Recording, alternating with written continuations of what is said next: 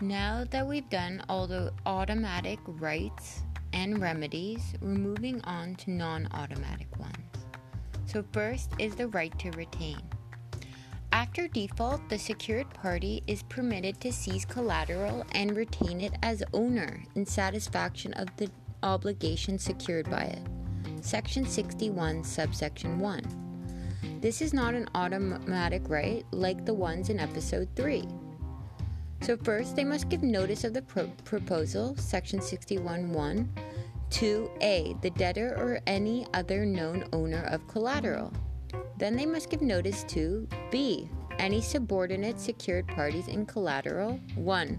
Who are registered through a financing statement with the debtor's name or serial number before the notice is given to the debtor. Or 2 perfected security interest by possession when secured parties seized or repossessed the collateral. They must also give notice to a C, subordinate judgment creditor who registered their notice of judgment before the notice of proposal is given to the debtor with the debtor's name or serial number. Finally, they must give notice of the proposal to D, any other person with a secured interest who has given them written notice before the notice of the proposal is given to the debtor. So this would be subordinate unperfected interests who have given written notice. If any of those subordinate interests would be adversely affected by the proposal, then they can file an objection.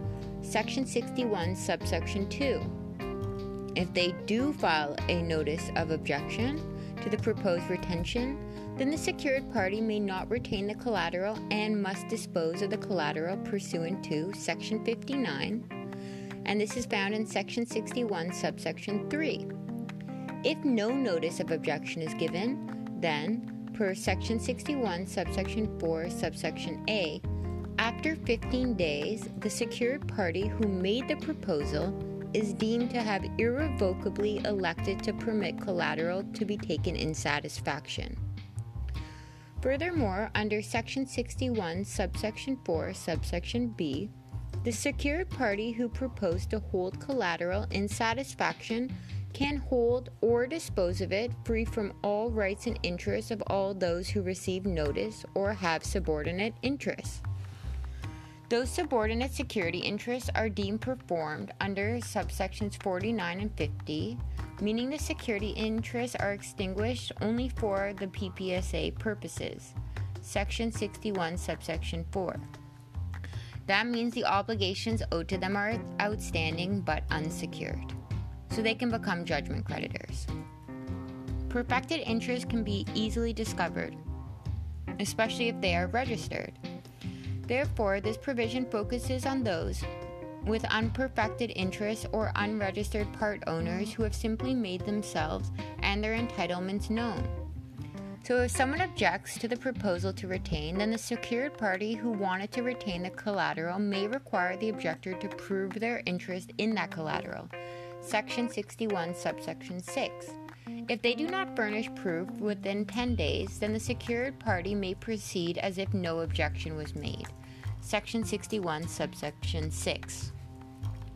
If they receive a notice of objection, then the secured party proposing to exercise his right to retain in satisfaction can apply to the court.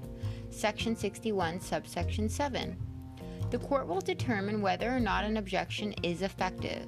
First, it is ineffective if Section 61, subsection 7, subsection A, objection made for purpose other than protection of an interest in collateral or proceeds, because this means you are not exercising your rights under good faith or commercially commercially reasonable reasons. Second, the objection is ineffective if, per B, the collateral's market value, considering senior security interest, if any, is less than the total and estimated expenses per Section 59, subsection 3, subsection A, owing to that secured party. This would mean that there would be no surplus, so the only person seeking to retain the collateral would get anything. A purchaser for value and in good faith who takes possession of it acquires title that is the same as Section 59 when disposing. This is found in Section 61, subsection 8. So, the per A, they're free of debtor and secured party, and B, subordinate interest. Those subordinate security interests are deemed performed under sections 49 and 50, meaning the security interests are extinguished only for PPSA purposes and obligations owed to them are outstanding but unsecured. Section 61, subsection 8. Now, circumstances may arise where a secured party B is a buyer or supplier and also has an interest in the debtor's business. Therefore, they will be negatively impacted by secured party A's seizure or disposal because of its detrimental impact on the debtor's business. Consequently, B has the right to redemption even if he is a subordinate interest to A, section 62, subsection 2. At any time before A has disposed or contracted to dispose the collateral under section 59 or deemed to have irrevocably elected to retain upon satisfaction section 61 then that secured party B is entitled to redeem the collateral by simply paying the money owed to the secured party holding it, and reasonable expenses actually incurred under Section 59, subsection 3, subsection A, to the secured party who has possession, Section 62, subsection 2. The exception is if you agreed in writing after default to not have a right to redeem. The higher security interest has been performed and satisfied, so their security interest has been extinguished. Accordingly, you have moved up a rung on the priority ranking. These, the effect is that you now own the collateral as well. You have two options. You can give the debtor the collateral so he can continue with his business. Then you have your original security interest and new security interest in the collateral at the same ranking as the original security interest. Second, you can keep the collateral, improve its value, and sell it. You can use the surplus to satisfy the security interest owed to you. If more than one secured person elects to redeem Section 62, subsection 2, then it is based on their priority ranking, Section 62, subsection 3. If you are lower on the tra- chain, you will have to pay all senior debt to get to the collateral. Section 62, subsection 3. Next is the debtor's rights to reinstatement. The debtor looking to reinstate the security agreement at any time before disposition, Section 59, or deemed irrevocable election to retain in satisfaction, Section 61, then they must cure any default that exists, Section 62, subsection 4. This is because the secured party only has the collateral and rights to retain or dispose because of the default.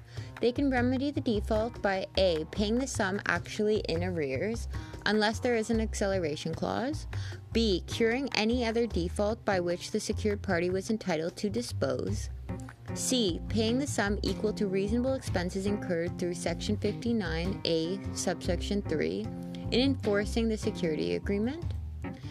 Section 62, subsection 4. The debtor is not entitled to reinstate a security agreement A more than twice if it is a loan for 12 months after value is given by the secured party, section 62.5. If the loan is for more than 12 months, then they cannot reinstate for more than twice each year, section 62, subsection 5. This is a presumptive limit. It says unless otherwise agreed. So if the security agreement extends the debtor's ability to reinstate, then that trumps this rule. Now, the final section is section 63 2 application to the court. The court has a broad power and can make any order necessary to achieve justice in exercise or discharge of rights and obligations in Part 5. Section 63, subsection 2. This includes A. Making any order, B. Giving directions, C. Relieving a person from compliance, D. Stay in enforcement of any rights, or E. Make any order necessary to ensure collateral's protection or interest in collateral.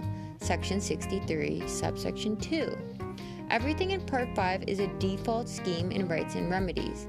It can be supplemented by terms of a security agreement.